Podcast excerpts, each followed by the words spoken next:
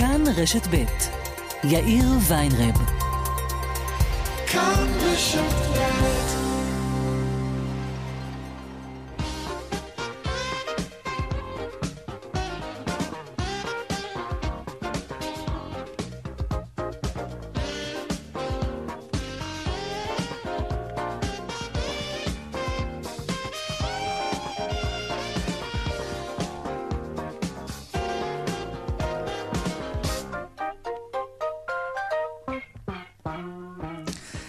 ארבע וחמש דקות ועוד שלושים ושש שניות, כאן צבע הכסף ברשת ב', יום רביעי, שלום רב לכם. סיימון וקרט, אומן גרמני ברלינאי, עשה משהו ממש ממש מגניב. הוא קנה 99 מכשירים סלולריים, הוא שם אותם בעגלה והתחיל ללכת בכמה וכמה רחובות עמוסים במרכז ברלין על הכביש, ככה באמצע הכביש. ומה שקרה זה שלאט לאט הרחובות האלו התחילו להתרוקן במכוניות, פה ושם הופיע רכב, אבל מתישהו כבר לא באו רכבים בכלל. זה לא בגלל שהוא הפריע לתנועה, כלומר, הוא כן הפריע לתנועה, אבל לא בגלל שהוא הלך באמצע הכביש. המכשירים הסלולריים, המכשירים החכמים, בגלל שהם כאלה ובגלל שהם מחוברים לאינטרנט ולגוגל כמובן, כמו רוב המכשירים, הם שידרו, כל 99 המכשירים האלה שידרו לגוגל שהם נמצאים על הכביש והם זזים ממש לאט. כי סיימון הלך ברגל, וגוגל הסיק מזה שיש במקום הזה פקק עצום, והפנה את כל הנהגים לדרכים חלופיות. וזה ממש עבד, כמעט אף אחד לא נסע דרך שם, וזה משהו שממחיש עד כמה עוקבים אחרינו, וזה מדהים, וזה גם מפחיד. סיימון וקרט העלה את החוויה הזאת לאינטרנט, אם בא לכם לראות פקק תנועה עצום שקורה על כביש ריק לחלוטין, באדיבות טלפונים חכמים וטיפשים גם יחד, לחלוטין. כאן צבע הכסף, מעכשיו עד חמש רונן פולק עורך את התוכנית, אביגל בשור מפיק היום את צבע הכסף. טכנאי השידור, טכנאי השידור שלנו, רומן סורקין וצוף משאלי, אני יאיר ויינרה, בדואל שלנו, כסף כרוכית כאן.org.il. אפשר ליצור קשר גם בדף הפייסבוק שלנו, כאן ב', אנחנו מיד מתחילים.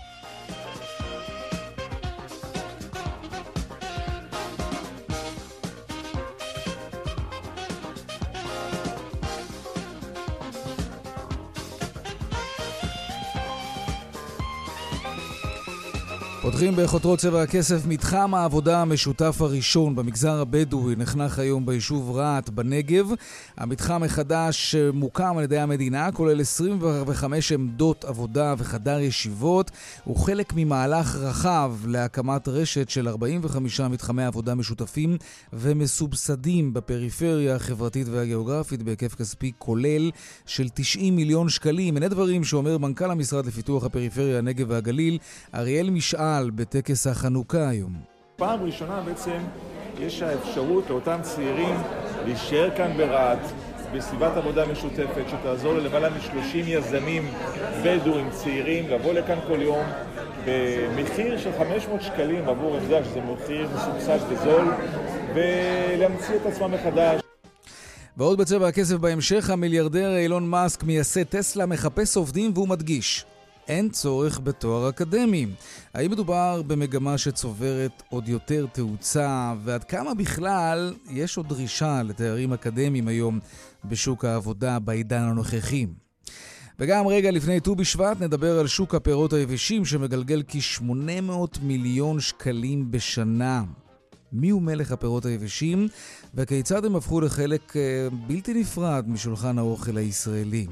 וגם לקראת שבוע היהלומים הבינלאומי שהתקיים בישראל בשבוע הבא, נדבר על אה, ישראל כמעצמה בענף הנוצץ הזה, למרות השנים הקשות.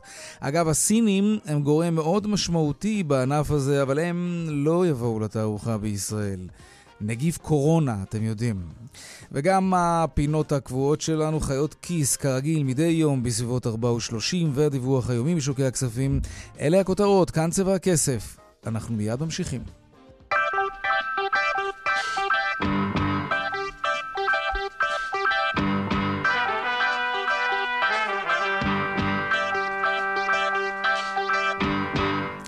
חברת צ'ק פוינט איתרה תקלת אבטחה חמורה בנורות חכמות.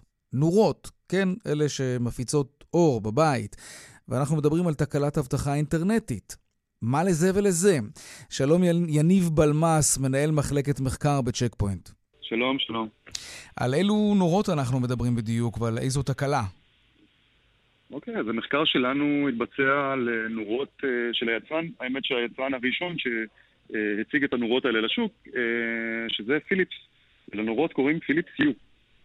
אה, התקלה היא בעצם אה, תקלה בפרוטוקול אה, שנקרא Zigbee, פרוטוקול מאוד מאוד נפוץ שמשתמשים בו לא רק בנורות, כמעט בכל ציוד חכם כזה שמתחבר בבית או במשרד. אה, ובעצם התקלה או פרצת האבטחה הזאת מאפשרת לנו אה, להשתלט על הנורה מרחוק, ודרך הנורה להיכנס לרשת הביתית או הארגונית, ובעצם לקבל גישה לכל המחשבים לכל, לכל, ולכל המידע שנמצא ברשת.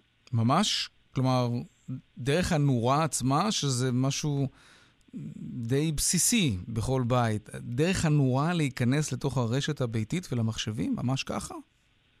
ממש ככה. ציוד שנהיה ציוד חכם, אה, מכיל בתוכו גם אה, סיכונים מסוימים.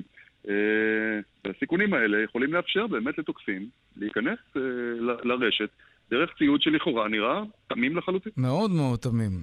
אוקיי, אז אם יש לי נורה כזאת, נורה חכמה בבית, אני בוודאי יודע, כי הבית שלי כנראה חכם במידה כזאת או אחרת, והנורות שלי, אני מדליק אותן באמצעות אה, אפליקציה בסמארטפון או משהו כזה, נכון? אז אני צריך לדעת... שהאקר אה, יכול להיכנס לרשת הביתית שלי בגלל שיש לי נורה כזאת. איך אני מתגונן מזה, מפני הדבר הזה כבר עכשיו? מה אני צריך לדעת? זו שאלה מצוינת, אני, אני אחלק את התשובה שלי לשני, לשניים. כי בצד הטכנולוגי יש פתרונות. יש פתרונות צד שלישי אה, של חברות אבטחה כאלה ואחרות שיכולות לעזור. גם בלי פתרונות צד שלישי אפשר לדאוג לבודד את ה... מי שיודע, לעשות את זה, לבודד את הציוד הזה כדי שלא יהיה, לא יהיה נגיש לשאר הציוד הרגיש יותר ברשת. עד שנדע להתגונן מפני הפרצה הזאת. נכון, ואני חושב שהצד השני של זה הוא פשוט מודעות. אנשים צריכים להבין שכל ציוד חכם כזה מכיל בתוכו פוטנציאל לפרצת אבטחה. Mm-hmm. וצריך לחשוב פעמיים, אני חושב, לפני שמחברים ציוד חכם, להבין אם באמת צריך אותו, ואם צריך אותו, להכיר את הסיכונים שהוא מכיל בתוכו. כלומר, אם נגיד יש לי בבית שואב אבק כזה רובוטי שאני יכול להפעיל אותו מרחוק באמצעות הטלפון החכם, זה אומר שתאורטית השואב אבק הזה חשוף לתקיפה של האקר, וממנו... אה, אותו האקר יכול להגיע גם למרכיבים אחרים, חכמים לכאורה, שנמצאים אצלי בבית, כולל המחשבים, כמו שאתה אומר. נכון, האמת שעשינו מחקר בעבר על אה, שואב אבק ומצאנו חולשות אה, די דומות. חשוב לי לומר, אגב, שעבדנו עם פיליפס בצורה מאוד צמודה על העניין הזה, כדי לתקן את הפרצה הזו, mm-hmm. והפרצה תוקנה. במהלך החודשיים האחרונים הם עמלים קשה מאוד לעדכן את כל הציוד שלהם שנמצא אצל כל הלקוחות. ובעצם uh, לעדכן את התוכנה כך שהחולשה לא תהיה שם. אוקיי, okay, בוא, בוא נרחיב מעט את היריעה. על אילו עוד חפצים, אביזרים שמרכיבים את הבית החכם שלנו, מה שנקרא האינטרנט של הדברים, ואולי בכלל אין לנו שום מושג שאותם דברים תמימים, כמו נורה, הזכרנו שואב אבק, ש- שיכולים להיות אצלנו בבית ובעצם לאפשר להאקרים להיכנס פנימה. מה עוד נפוץ היום? הראש... הרשימה אני חושב אינסופית, אבל בוא נאמר רגע לדברים האלה שלטעמי הם הכי נפוצים. כן. אז אה, באמת, אה, אה, אז באמת נורות חכמות, מתגים חכמים, מצלמות, שואבי אבק חכמים, תרמוסטטים. אני חושב שאלו הדברים העיקריים, אבל באמת, כל דבר שתרצה היום כמעט, יש את הגרסה החכמה שלו, ואפשר לחבר אותה, והן כולן כמעט עובדות עם אותם פרוטוקולים ובאותה. צורה.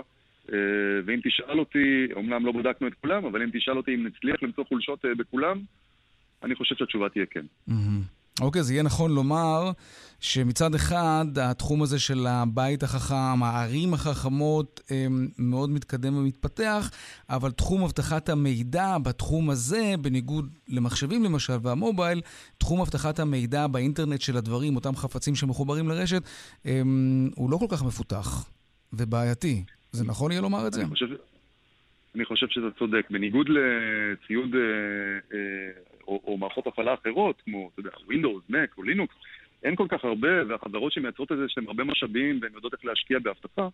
אה, תחום האינטרנט של הדברים, ה-IoT, הוא עדיין פרוץ, יש המון חברות ש, ש, שמייצרות, וכולם מתחרות על לייצר במחירים הנמוכים ביותר. לרוב זה מגיע על חשבון אבטחה. אוקיי, טוב, צריך לקחת את זה בחשבון. כשמרכיבים בית חכם וקונים כל מיני חפצים חכמים, אז אה, צריך לקחת בחשבון שהדברים האלה יכולים להיות פרוצים. יניב בלמס, מנהל מחלקת המחקר בצ'ק פוינט, תודה רבה על השיחה. תודה לך. הוועדה המחוזית בתל אביב אישרה את תוכנית התחנה המרכזית הישנה בתל אביב, 1,400 uh, אה, יחידות דיור יוקמו שם, ושטח מסחרי גדול מאוד. שלום חן גור uh, לוטן, מנהלת נכסים מניבים בלוינשטיין, שלום לך. שלום וברכה. כמה שנים אתם עובדים על הפרויקט הזה? אה, לוינשטיין רכשה אותו ב-2011, שיכון ובינוי ולוינשטיין רכשו את מלוא הזכויות ב-2015. Mm, אוקיי, כמה שנים טובות. כמה שנים טובות. כן, ביורוקרטיה? התוכנית המקורית, תראה, התוכנית המקורית הייתה אה, פחות יחידות דיור, אבל uh, התווספו יחידות דיור, ולכן uh, לקחו שטח יותר גדול, ולקח יותר שנים לקדם את התוכנית. אוקיי, טוב, מה עוד מתוכנן שם, והאם העובדה שהאזור הזה היה קצת מוזנח ומקושר לעוני, לא קצת הרתיע את המשקיעים? תראה, בסופו של דבר מדובר ברובע חדש, ב-80 דונם, שמתוכננים עליהם 12 מבנים, יחידות דיור, מסחר, תעסוקה, אה, הרבה שטחים ציבוריים, אה, יש שם גם שטח לשימור, אה, בית באר מאוד יפה. בסופו של דבר השטח אמור להיות... בית באר? כן, יש בית באר לשימור. מעניין. בהחלט. וזה שטח שאמור להיות כל היום וכל הלילה פתוח, וזו המטרה שלנו, באמת ליצור רובע חדש, mm-hmm. שהוא תוסס גם ביום וגם בלילה. את מי שימש הבאר, בית הבאר הזה שם? אה, זה נקרא בעבר אה, בית רוק. היה פרדס שם, פרדס נבולסי. כן. והעירייה אה, הולכת לשמר אותו והוא הולך להפוך לשטח ציבורי. Mm, יפה. אוקיי, טוב, אפשר לדבר כבר על כמה תעלה דירה באזור הזה? ואילו דירות בדיוק ייבנו? שאנחנו... תראה, בסופו של דבר השטחים כרגע לפי התוכנית הם בממוצע של 70 מטר. להגיד לך את המחירים, אנחנו עדיין לא יודעים, כי ממש עכשיו אנחנו נכנסים לתכנון המפורט, חיכינו לאישור התוכנית הסופי. דירה, ממוצע הדירות יש שם של 70 מטרים? 70 מטר. זה דירות קטנות. זה דירות קטנות, יש גם שטחים לדיור אה, בהישג יד, לטווח mm-hmm. ארוך. אה, זה חשוב, אוקיי. Mm. והדירות הגדולות ביותר, כמה הם יהיו? הדירות הגדולות ביותר, אני משערת שיהיו באזור ה-140, 150 מטר. Mm-hmm. אנחנו עוד עכשיו מתחילים את התכנון. אוקיי, okay, וכמה מתוך 1,400 הדירות האלה יהיו, uh, קראתי, גם חלק מהם יהיה מיועד להשכרה לטווח ארוך. נכון, יש uh, כרגע, לפי התוכנית, uh, כ-140 יחידות שאמור להיות uh, לדירות בהישג יד, ויש אפשרות להמיר עוד שטחי תעסוקה לעוד 90 יחידות דיור. אוקיי. Okay.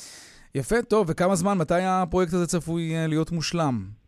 אנחנו מאמינים שעוד שנתיים נוציא את ההיתר הראשון. בעוד שנתיים? נוציא את ההיתר הראשון נוציא את ההיתר הראשון, אוקיי. טוב, שיהיה בהצלחה, חן גור לוטן, מנהלת נכסים מניבים בלוינשטיין. שיהיה שבוע טוב. סוף שבוע טוב, כן. ממשיכים בנושא הזה, אילן שחורי, היסטוריון של העיר תל אביב, שלום לך. שלום, שלום. אתה בטח מכיר את הבאר הזאת שיש שם. תשמע, זה בית באר, זה בית של משפחה מאוד עשירה, משפחת רוק מהמאה ה-19 שהגיעו מעין כרם למקום הזה והקימו מתחם גדול מאוד. במרכז הבית היה באר, לכן קוראים לזה בית באר. ויש כמה וכמה כאלה בדרום תל אביב, ביפו, mm-hmm. בשכונת פלורנטין באזור שם, יש קרוב ל-30 בתים כאלה, יפהפיים אגב. הוא תרם באיזשהו שלב את הבית שלו ואת המתחם לעיריית תל אביב, ועל חלק מהשטח הוקמה גם התחנה המרכזית. בקצה רחוב השומרון נמצא עדיין שם, פעם היה לא רחוק משם אה, חברה של לימודי נהיגה של אגד, לא mm-hmm. רחוק במקום, אבל בכלל האזור הזה היה אזור מאוד ססגוני, כמעט אה, מ- מראשית שנות ה-20. בואו נזכור שאנחנו מדברים על דרך אה, יפו-שכם, לא רחוק מ... מ- תחנת החשמל שמוקמת, מדר... מצפון לתחנת הרכבת, ואני אגלה לך סוד שבאמצע שנות ה-20 מרכז התערוכות של תל אביב קם שם בכל השטח. לא קראו לזה עדיין יריד המזרח אפילו, זה נקרא היריד למזרח הקרוב והרחוק בתל אביב, 25, 26. יש עדיין שריד ליריד הזה, כי בכניסה למגרשי התערוכה הישנים ניטעו שם כמה עצי וושינגטוניות, mm. וברחוב השפלה נשארו ארבעה, ושם היה הכניסה. ובתחילת שנות ה-30 עוברים מרכז הירידים, הגמל המעופף, לאזור חצי האי ירקון בצפונה של תל אביב, השטח מתפנה, רוכשים שם כמה יזמים יהודים וגם העירייה, הזכירו מקודם את פרדס נבולסקי, ועוד מתחמים, וב-35 עיריית תל אביב מחליטה לרכז מכל מיני מקומות בתל אביב תחנות אוטובוסים של חברות ולרכז את זה במקום אחד שם. וכך נולדה התחנה המרכזית. כן, הייתה שם אגב התחנה עד אה, אה סוף שנות ה-20, התחנת אגד המפורסמת הייתה בתחילת שדרות רוטשילד, שם הייתה תחנה. אגב, לצורך הקמת התחנה המרכזית החדשה, החדשה הישנה, הלכו ואספו מכל רחבי העיר את הרחובות של אזורי הארץ וריכזו את זה שם. רחוב הגליל למשל היה ברחוב בן יהודה, איפה שהיום רחוב מפו. Mm. לכן עד היום ישנו שם בית מרקחת הגליל, כזכר לרחוב שהיה. Mm. עשו תחרות, ניגשו המוני אדריכלים לתכנן, בסוף זכה אחד שהחליט שיהיה שם מבנה בסגנון בינלאומי, מגדל שעון, ובעצם אה, מ-38 התחנה הזאת מתחילה לתפקד. אה, שפעלה כמעט 52 שנה. כן, ראינו את התמונות ששלחת לנו כאן לצבע הכסף. נכון. האמת שגם אני הייתי ילד בשנות ה-80, ואני גם זוכר את התחנה המרכזית הישנה הזו, היא הייתה מאוד ססגונית ומאוד צבעונית, ויש שם הרבה ריחות, אבל נכון. זה, זה תמיד היה נראה לא טוב, כלומר, תמיד מוזנח כזה, ובשנים האחרונות זה אפילו נהיה קצת יותר גרוע, לא? כן, אבל אם תיקח למשל רחפן, ותעלה רחפן לגובה, ותצלם את כל האזור מהגובה, תראה משהו מדהים. מה? שבאזור, אדריכל בשם טישלר תכנן שכונה מקסימה שנקרא שכונת נווה שאנן שגובלת בתחנה המרכזית, כן. בצורת מנורת שבעת קנים. Mm-hmm. שרחוב לוינסקי זה הקו המרכזי של המנורה. הבעיה היא שהתחנה המרכזית התפוצצה מרוב אוטובוסים, וכל האוטובוסים נשלחו לרחובות הצדדים מעבר לתחנה עצמה, והכל היה בלאגן אחד גדול. כן. ובנווה שאנן נשארו נעליים. נכון, והפכו את זה למדרחוב, ודאי, בטח. אבל זה בהחלט, כל האזור הזה, לא רק התחנה המרכזית הישנה, כל אזור דרום תל אביב הופך להיות אזור יוקרה. תראה מה שקורה ברחוב דרך יפו תל אביב, ברחוב אילת. כל האזור המכוער שהיה שם, יש כן. התחדשות עירונית מדהימה, כל הדרום משתנה. מי שיש לו כסף ואתם תוכנית כלכלית, ירוץ ויקנה בית ישן ומוזנח, מי יודע כמה זה יעלה בעוד עשור. כן, מה זה עושה לך, תגיד, כהיסטוריון של העיר ומכיר אותה כל כך טוב, והסתובב שם בטח אה, בשנים מוקדמות? יותר. אמ, זה לא בכל זאת צובט בלב שעכשיו הכול יהיה ממוגדל כזה? מגדלים ומרכזים מסחריים, ואתה יודע, זה זה כן יוצר אולי קצת איזשהו רגע סנטימנטלי לפשטות נכון, של מצד פעם. אחד, מצד אחד, אבל מצד שני יש לזכור שדברים היסטוריים שומרים. בתים, מבנים אקלקטיים, אסור לגעת כן, בית הבאר. בתים מסגנון כן. בינלאומי, עזוב את הבית באר רגע בצד. בתים מסגנון בינלאומי, גם בתחנה המרכזית, החבורה האדריכלית שזכתה בתחרות ובנתה את המתחם המרכזי כמבנה בסגנון בינלאומי, מה שקוראים לזה היום באו-האוז, נשאר, כן. זה נשמר. אבל צריך למצוא את האיזון, תמיד צריך למצוא את האיזון בין העבר, בהווה והעתיד. אי אפשר כל הזמן להתרפק על העבר. תשמע, מתחם למצוא... רשות השידור בתל אביב אה, לשעבר, אה, אה, קודם כל הייתה שם גם, היה שם בית באר.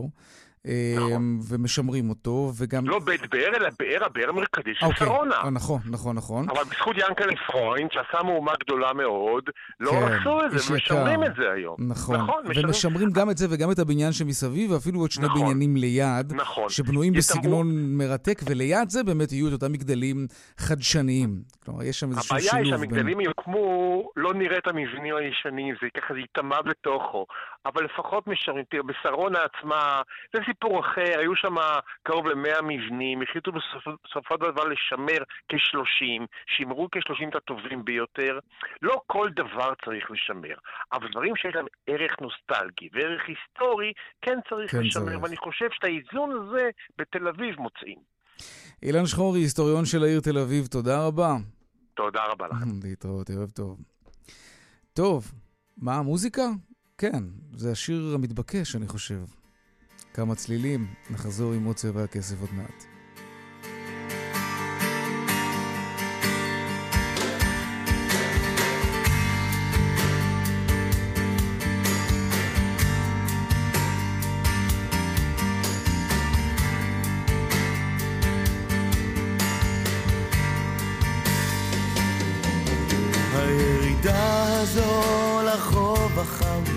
הייתה בשבילי נתיב לעולם של שיכור מוכר מעל הבקר עם בוטנים וסירופ אדום של סוכר חגורה בעשר וקלטת מתנה מיץ ענבים ועיתון להמתנה קולנוע שמקרין סרטים של זימה וכובע של פרסים רקמה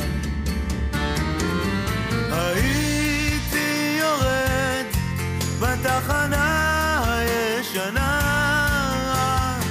והיא הייתה לי מדינה אחרת. מדינה של מציאות בהמתנה כשגשם יורד וכשהשמש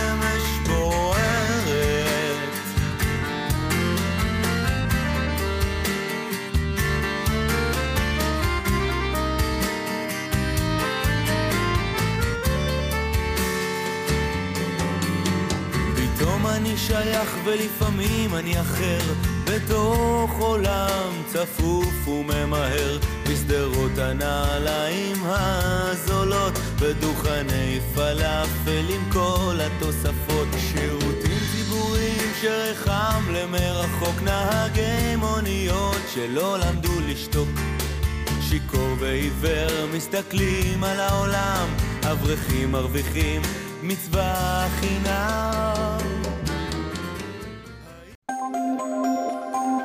בגיא הצפון העמוס ממחלף השבעה עד מורשה, דרומה יש עומס ממחלף מורשה עד מסובינו, ובדרך שש צפונה עמוס ממחלף נשרים עד בן שמן, ובהמשך ממחלף קסם עד מחלף אייל, דיווחים נוספים בכאן מוקד התנועה כוכבי 9550, ובאתר שלנו, אתר התאגיד, אתר כאן, פרסומות ומיד חוזרים עם חיות כיס.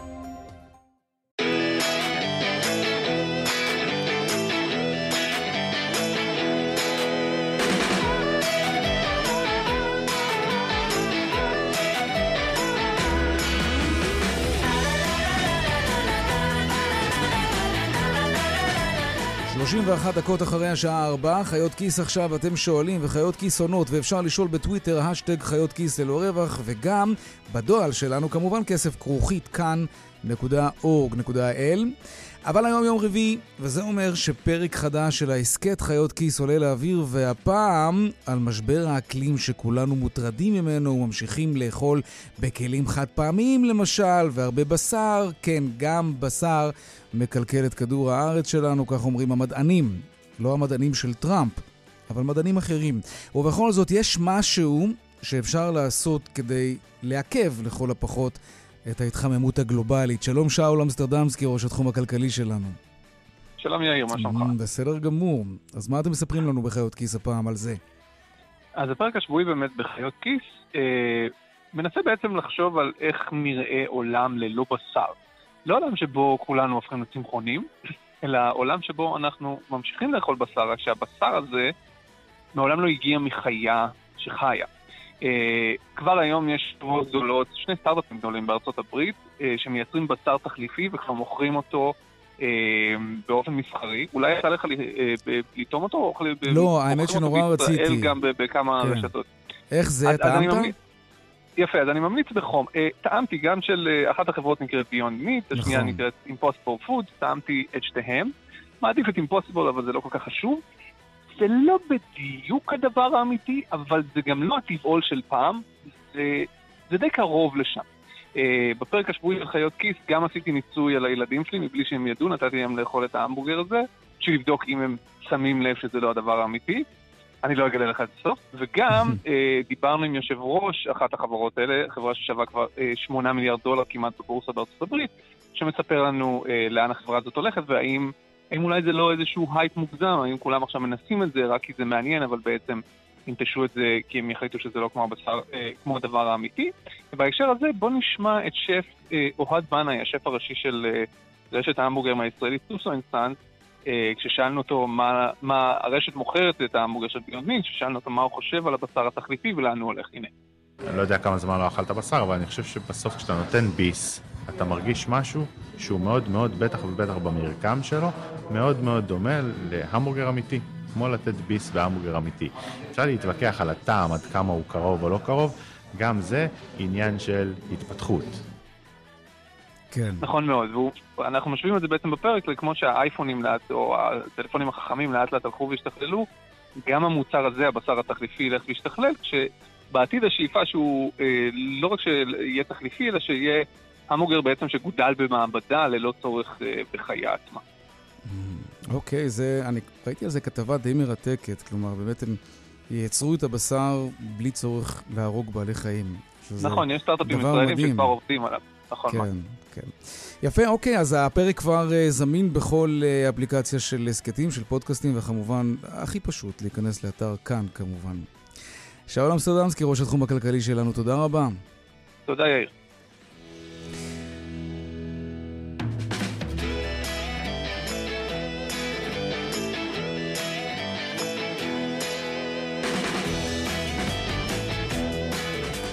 עכשיו נדבר על יהלומים. שבוע היהלומים הבינלאומי התקיים בבורסה ברמת גן כבר בפעם השמינית. ישראל היא מעצמת יהלומים, אה, למרות שענף חווה בשנים האחרונות סוג של משבר, אנחנו עדיין מעצמה. נכון? יורם דבש, נשיא הבורסה ליהלומים. נכון מאוד, אתה מתאר נכון, ואני יכול לספר לך שבעשירי לשני, ביום שני הבא, יגיעו נשיאים מדובאי, מניו יורק, מבלגיה, מדרום אפריקה, מהודו, מכל מעצמות היהלומים, נשיא הפדרציה העולמית, נשיא חברת הקריאה הרוסית, אלרוסה, שמוכרת כעשרה מיליארד דולר בשנה. כולם יעלו על המטוסים בתקופה לא פשוטה זו, עם עוד 350 קנייני יהלומים מכל העולם. חסר לי מישהו ויבוא... אבל. מה? חסר לי מישהו. מי חסר? הנשיא הסיני. כן. הנשיא הסיני באמת נצור חבר יקר. נצור בבית, מסכן. הוא, הוא, כן, הוא בבית, מצב לא נעים, אנחנו מדברים כמעט כל uh, יום-יומיים לשמוע מה קורה שם. אה, כן? הם כוח ממש עולה בענף היהלומים הסינים, נכון? אה, הם כוח עולה בכל הסינים, הם, אה, כן. אתה יודע, הם משתלטים, לא משתלטים, הם נעשו כוח עולמי משמעותי, הם המפעל של העולם, והמפעל הזה כרגע נסגר, הוא בשאט דאון, ירד מ-100 ל-0.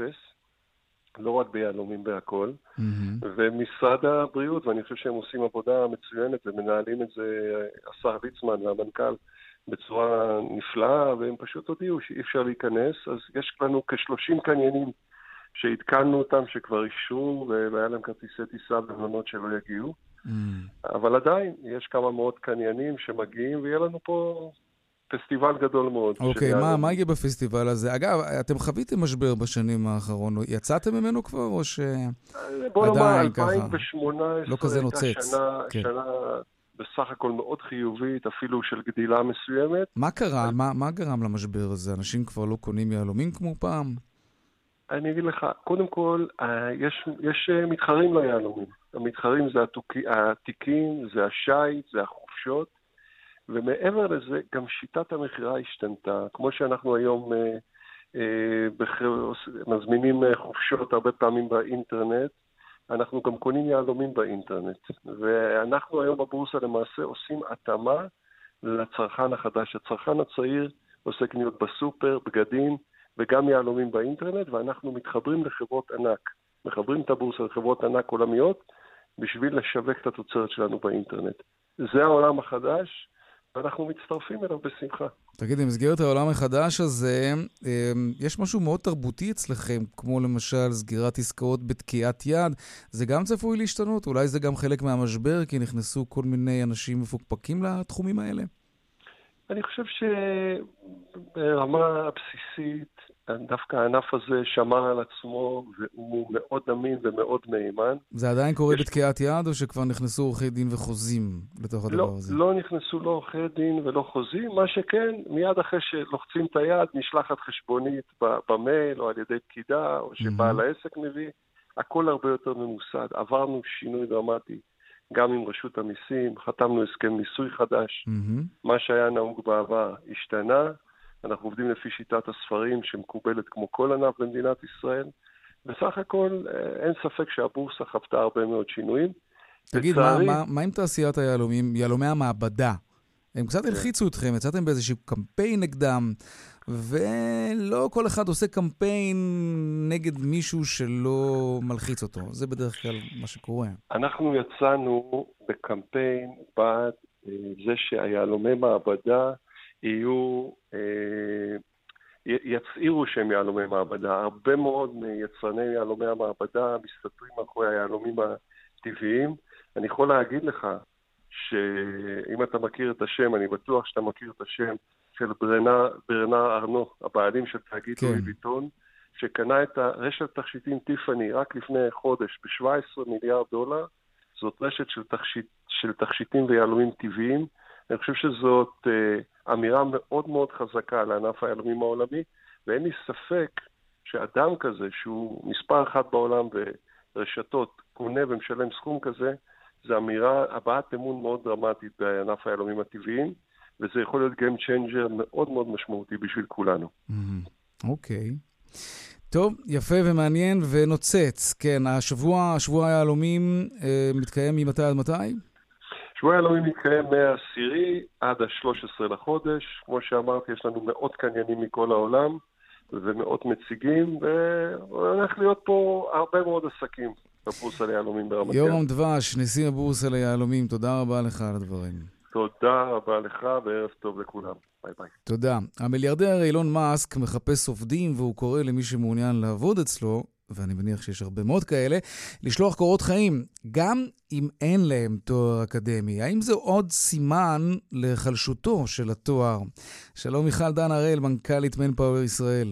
ערב טוב. ערב טוב גם לך. כן, זה העניין? שוק העבודה היום כבר לא מסנן עובדים על פי השכלה?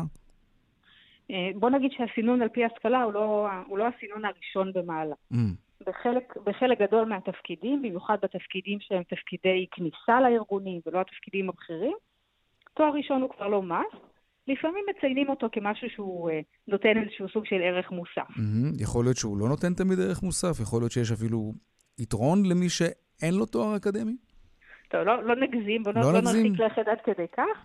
תואר אקדמי בהחלט מרחיב אופקים, אה, נוגע באפשרות אה, ללמוד חומר, לדעת לגשת למקורות שונים, לנתח נכון, אותם. נכון, ובכל זאת, נדמה לי שאפילו איתך דיברנו לפני כמה חודשים על איזושהי צעקה גדולה שקמה בקרב ראשי המשק וכל מיני חברות, מנכ"לים של חברות גדולות שאמרו לאוניברסיטאות, תקשיבו, אתם מביאים לנו בוגרים שאנחנו צריכים בסופו של דבר להכשיר אותם בעצמנו, כי אתם תיאורטים מדי, ללמד אותם הכל. נכון, אז, נכון. אז מה, מה שווה התואר? זה בעצם מה שהם אמרו. כן. אז, אז לכן אולי זה יכול להיות חיסרון, כי אתה לוקח בחור צעיר או בחורה צעירה, ואתה בגיל צעיר יותר, ומכשיר אותם, ומכניס אותם מהר יותר לא, לא, לאותו תפקיד שאתה מייעד להם, והחבר'ה מהאוניברסיטאות באים גם מבוגרים יותר, ואולי גם שבויים באיזושהי תפיסה אקדמית מיושנת. לפ, לפעמים, ואין ספק שלהתנסות בשטח אין מתחרים. במיוחד שהיום המציאות משתנה כל הזמן, ותיאוריות או כלים או שיטות שהיו רלוונטיים לפני שנתיים-שלוש, כבר היום הופכים להיות לא אבסולוט, אבל בטח לא הכלים והשיטות המובילים במשק, ולצערנו המוסדות להשכלה גבוהה לא מתעדכנים, לא, לא אגיד לא מתעדכנים בכלל, אבל בטח לא מתעדכנים מספיק מהר בהשוואה לשינויים המאוד משמעותיים בשוק העבודה, כל האוטומציה והרובוטים, כמעט כל דבר שאנחנו נוגעים בו יוצרים שינויים מרחיקי לכת. תפקידים אה, שעד אה, לפני שנה התוכן שלהם היה X, היום התוכן שלהם הוא שונה לחלוטין. אה, אפילו לפעמים שם, שם הטייטל הוא אותו שם טייטל, ולכן אם, אם מלמדים באוניברסיטה כלים ושיטות שהיו רלוונטיים לפני עשר שנים, הרלוונטיות שלהם היום היא מה שנקרא מוגבלת מאוד. כן. טוב, תראה, לגבי התואר האקדמי, יש פה עוד נקודה שיכולה להיות מעניינת. האם זה אומר שהיתרון שנהנו ממנו, ואולי עדיין נהנים ממנו בוגרי האוניברסיטאות על פני בוגרי המכללות, כבר לא כמו שהיה פעם, היתרון הזה? תראה, כשמסתכלים על בעלי תפקידי אה, ניהול ביניים וניהול בכיר, תואר הוא דרישה עדיין ברוב המקרים. משהו כמו בין 70 ל-75 אחוז מהמשרות שנפתחות אצלנו בתחום הזה, תואר אקדמאי עדיין נדרש, כך שזה לא נעלם לחלוטין. פה, אה, במיוחד החברות הגדולות והממוסדות, הן יותר אה, שמרניות ולא מוותרות על הדרישה הזאת. כן, אבל דווקא... ויש עדיין מקומות שמתעקשים דווקא על מוסד כזה או אחר, אבל, אבל אין ספק שזה הולך ונחלש. כן, כי אומרים דווקא על בוגרי המכללות אמ, שהן נחשבות יותר מעשיות ופחות תיאורטיות מאשר אוניברסיטאות. ואם אנחנו שומעים תלונות של מנכ"לים של חברות שהבוגרי האוניברסיטאות באים תיאורטיים מדי, אז אולי דווקא כאן כן יכול להיות יתרון למי שלמד במכללה. תלוי, תלוי מה שנקרא, על איזה סקטור ועל איזה, איזה תואר אנחנו מדברים. אה, אין ספק שבמכללות יש פתיחות הרבה פעמים גדולה יותר לנסות ולשלב שיטות חדשות וכלים חדשים. מבחינת הרמה הלימודית זה כבר, אה, זו כבר אופרה אחרת, אבל בוא נגיד שבעולם של היום, ללמוד תואר שלם שהוא במקצוע אחד, לא משנה מה אתה לומד, זה לא מספק, כי בכל תפקיד שאתה ניגש למלא היום, צריך ידע מהמון המון דיסציפלינות, שחלקו ניתן ללמוד אונליין, וחלקו בקורסים קצרים שהם לאו דווקא אקדמיים, אז אם אנחנו מדברים על אה, מה שנקרא מסייע, משוחרר טרי מהצבא ששוקל מה לעשות, ללכת וללמוד תואר אקדמי או להתנסות ולהשתתף ישר בשוק העבודה, ההמלצה כבר לא, לא ברורה מאליה כמו שהייתה. Mm-hmm. טוב, לסיום, מה האקדמיה יכולה באמת לעשות כדי לחזור ולהיות רלוונטית? אני חושבת שהשילוב והקשר עם הגופים העסקיים הוא must. אה, תוכניות הלימודים, גם סוג הלימודים, אם אתה מסתכל על היצע אה, הקורסים שעמד לרשותך לפני חמש-עשר שנים ועל מה שעומד לרשותך היום זה כמעט אותו דבר. אה, האמת שזה נושא לשיחה שלמה אחרת, כי כמות השינויים הנדרשת היא מאוד מאוד גדולה. אבל קצת יותר יד על הדופק, להיות יותר פתוחים, להשתחרר ולשלב כלים שבעצם אה, רלוונטיים היום כמעט בכל תפקיד, ולא לא רק כן. את, ה, את הדברים הקלאסיים והמוכרים. מיכל דן הראל, מנכ"לית מנפאוור ישראל, תודה רבה על השיחה. בשמחה. דיווחים עכשיו.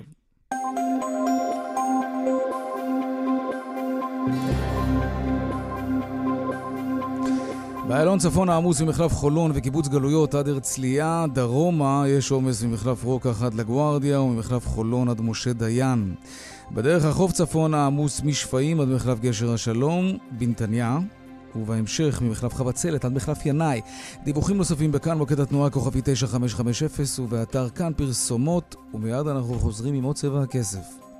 12 דקות לפני השעה 5, עכשיו נדבר על אינטרנט ביתי, בגלל שאנחנו לא כל כך מכירים את התחום ואת השינוי שהוא עבר, אז יש סיכוי טוב שרבים מאיתנו זורקים הרבה מאוד כסף לפח. מאות שקלים בשנה, לא חבל? גם משרד התקשורת קבע לאחרונה שישראלים משלמים יותר מדי על אינטרנט. שלום דפנה הראל כפיר, אתר פואנטה. שלום יאיר. טוב, משהו שכולם כן יודעים, שהאינטרנט הביתי מחולק לתשתית של רשת ולספק של רשת. שני דברים שונים שצריך לחבר אותם כדי לקבל אינטרנט בבית. עכשיו, החיבור בין התשתית לספק אה, יכול להיות בזבזני ויכול להיות חסכוני. איפה אנחנו נופלים? אז באמת... אה, אה... אתה אומר שכולנו יודעים, אני אפילו לא בטוחה שכולנו יודעים שמדובר ב, גם בתשתית וגם בספק, ואני חושבת שזאת אולי אחת הסיבות שאנשים לא כל כך מבינים, זה נורא מבלבל אותם כל העניין הזה של אינטרנט, והם גם לא יודעים שאפשר כבר הרבה זמן, וזה לא חדש, להתחבר באופן אחיד, זאת אומרת לא לפצל, לא להתחבר בנפרד לספק ובנפרד לתשתית. יש בעצם שלוש אפשרויות להתחבר היום לאינטרנט, אחת באמת בדרך המפוצלת, חיוב מפוצל, אחת עם שם מאוד מאוד מטעה, זה נקרא השוק הסיטונאי, שזה אומר בעצם שאתה יכול באמצעות הספקית האינטרנט שלך להתחבר גם לתשתית וגם לספק, והשלישית היא באמצעות בזק או הוט, שהן בעצם הספק, מספקות את התשתית. מה שמגלה היום משרד התקשורת אה, בעקבות איזשהו מחקר די מקיף שהוא עשה, זה שהרבה מאוד אה, אנשים שמצטרפים, בעיקר דרך התשתית של בזק אגב, ועושים את זה באופן מפוצל, עדיין מפסידים הרבה מאוד כסף, וכשאנחנו אומרים הרבה, אנחנו מדברים על סכומים שמגיעים ליותר מ-300 שקל בשנה, על מוצר שהוא זהה, זאת אומרת, אם הם היו יוצרים קשר עם אחת מספקיות האינטרנט, כן. ומבקשים ממנה לחבר אותם אה, אליה ולבזק, הם היו משלמים פחות מאשר אם הם עושים את אותו תהליך הפוך, מתקשרים לבזק בנפרד ולאותה ספקית בנפרד, למרות שהמוצר שהם יקבלו, אותו כלומר מוצר חיבור, בדיוק. אותו, אותו מוצר. רגע, אבל אפשר להגיד את זה באופן גורף, כלומר, עדיף לנו לפנות לספק של האינטרנט ולבקש ממנו שהוא יחבר אותנו לתשתית. מותר להם לשתף פעולה, אגב, לאלה שמספקים תשתית ולאלה שמספקים... אה, בפירוש כן, את השירות בדיוק, עצמו? זאת בדיוק הרפורמה שנעשתה לפני כמה שנים כבר. המטרה בדיוק הייתה זו, אה, להוזיל את העלויות, לאפשר בעצם לספקיות למכור, אה, למכור חבילה שלמה, אה, ואז בעצם הצרכנים גם הרבה יותר נוח להם, כי תחשוב שאתה גם לא צריך אה, להסתבך עם שתי חשבוניות, אתה מקבל רק חשבונית אחת, אז יותר קל לך לעקוב אחרי המחיר, יותר קל לך להשוות, אה, וזה ג- גם באמת וזה גם הלוגיסטית. האינטרס, זה גם האינטרס של הספק, כדי להוזיל את החבילה, לחבר אותנו באמת לתשתית שהיא הזולה ביותר נכון. והכדאית ביותר בשבילנו. נכון, ולכן חבל מאוד שהצרכנים בישראל לא כל כך אה, מודעים לזה. אגב, אה, כשמשרד התקשורת בדק, הוא בדק גם את הוט וגם את בזק. בבזק זה ממש גורף, רואים את ההבדל הזה באופן גורף, כאשר אתה מזמין את זה דרך בזק בנפרד, זה יותר הרבה יקר. מאוד אנשים, יש להם את ה, מה שנקרא הטריפל, והם כבר בעצם במחיר אחד מקבלים גם את התשתית וגם את הטלפון וגם את הטלוויזיה. ועד כמה שזכור לי, אי אפשר לפצל את החבילה הזאת, כי זה כאילו מייקר. אומרים לך, אם, אם תוציא את האינטרנט מהחבילה, אז, אז זה כבר לא הדיל שאנחנו מציעים לך. נכון. אז יש פה, יש פה איזשהו מלכוד. נכון. מי, ש... מי שבוחר ללכת על כיוון של triple, אז כל העניין הזה הוא פחות רלוונטי עבורו, ויש גם צרכנים שבוחרים ב triple. אני באופן אישי מאוד ממליצה לכל אחד לבדוק בעצם על מה הוא משלם וכמה זמן, כי אה, המחירים הם לא קבועים, יש כל הזמן כל מיני מבצעים, ומי שלא בודק כל כמה חודשים, אפילו אני לא אומרת שנה, כל כמה חודשים אה, כמה הוא משלם, יכול פתאום לגלות שהוא עכשיו מפסיד הרבה כסף. סקר שעשו במשרד התקשורת אה, מגלה שרבע מהצרכנים הוזילו את העלויות על האינטרנט רק באמצעות זה שהם החליפו חבילה, אה, אפילו בתוך החברה שלהם עצמה, זאת אומרת, אפילו לא צריכים לעבור לחברה אחרת, אה, ויש הרבה מאוד אנשים ששאלו אותם, הם פשוט לא ידעו כמה הם משלמים בחודש על האינטרנט. אה, חבל, כי בינינו אין, אין אחד, אני חושבת, שהיום מאזין לצבע הכסף ולא משלם על אינטרנט כל חודש. זאת אומרת... ברור. אה, ואפשר לשלם 300 שקל פחות בשנה, שימו לב. אז אם אנחנו מסכמים, אנחנו בעצם אומרים, אם יש לכם אה, אינטרנט בבית, סביר להניח שיש לרבים מכם, אם לא לכולם, אה, עדיף לפנות לספק האינטרנט ולבקש ממנו שיחבר אותנו לתשתית. כן, ולא לפחות, לפנות אה, לתשתית קודם ואז לחפש ספק. נכון, לפחות במקרה של תשתית של בזק. במקרה שיש לכם תשתית של הוט, אז כדאי בכל זאת לעשות את ההשוואה הזאת. אתם יכולים כן. להיות מופתעים. מה שבטוח, אל תזמינו באופן אוטומטי. זה קצת מעייף להשפות, אני מודה. אגב, לא כולם טורחות, לא כל החברות טורחות בכלל לפרסם באינטרנט את המחירים, הן ממש כן. מאלצות את הצרכנים להתקשר, ואז מפעילים עליהם כל מיני לחצים, אבל יש אתרים שמבצעים השוואת מחירים, ואז זה מאוד מאוד נוח. ואפשר להשתמש בזה ואף רצוי. דפנה הראל כפיר, אתר פואנטה, תודה רבה. תודה רבה. עכשיו לעדכון היומי בשוקי הכספים. 102 bid for 108. 200, take them.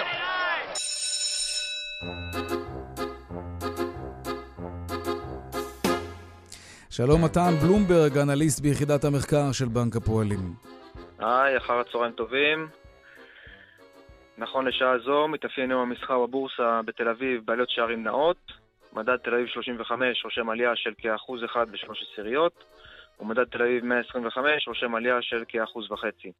מחזורי המסחר בהיקף גבוה ונעים בשעה זו סביב 2 מיליארד שקלים. בין המניות הבולטות במסחר במדד תל אביב 35, מניית קבוצת דלק שרושמת עלייה של כ-5% ומניית טבע שרושמת עלייה של כ-4.5%.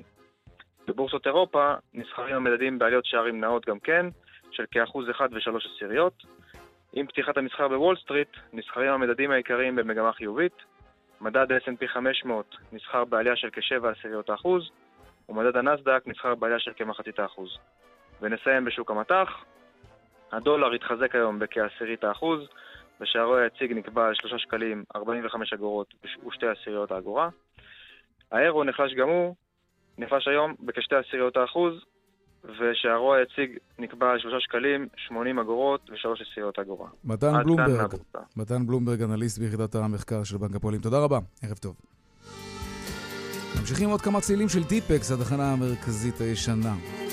דיברנו עליה.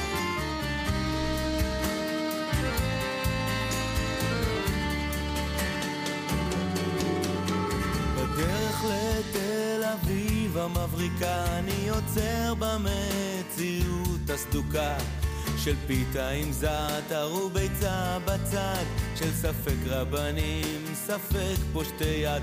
בעשרה שקלים שלוש קלטות ושירים מוכרים מכל המדינות והבוץ השחור על כל מדרכה ונהג מפטיר חצי ברכה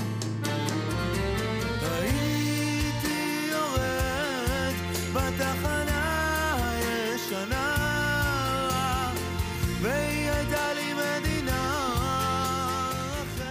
מדינה אחרת. עד כאן צבע הכסף ליום רביעי. רונן פולק עורך את התוכנית, אביגל בשור הוא מפיק צבע הכסף. טכנאי השידור רומן סורקין וצוף משאלי. הצוות בבאר שבע אורית שולץ ושמעון דוקרקר. במוקד התנועה אהוד כהן. הדואל שלנו כסף כרוכית kan.org.il. אני יאיר ויינרב, מיד אחרינו כאן הערב עם רן בנימיני ויגאל גואטה. מחר יהיו כאן בארבעה אחר הצהריים ליאן וילדאו ועמית לבנטל עם כאן ספורט. נשתמע שוב ביום ראשון, סוף שבוע נעים.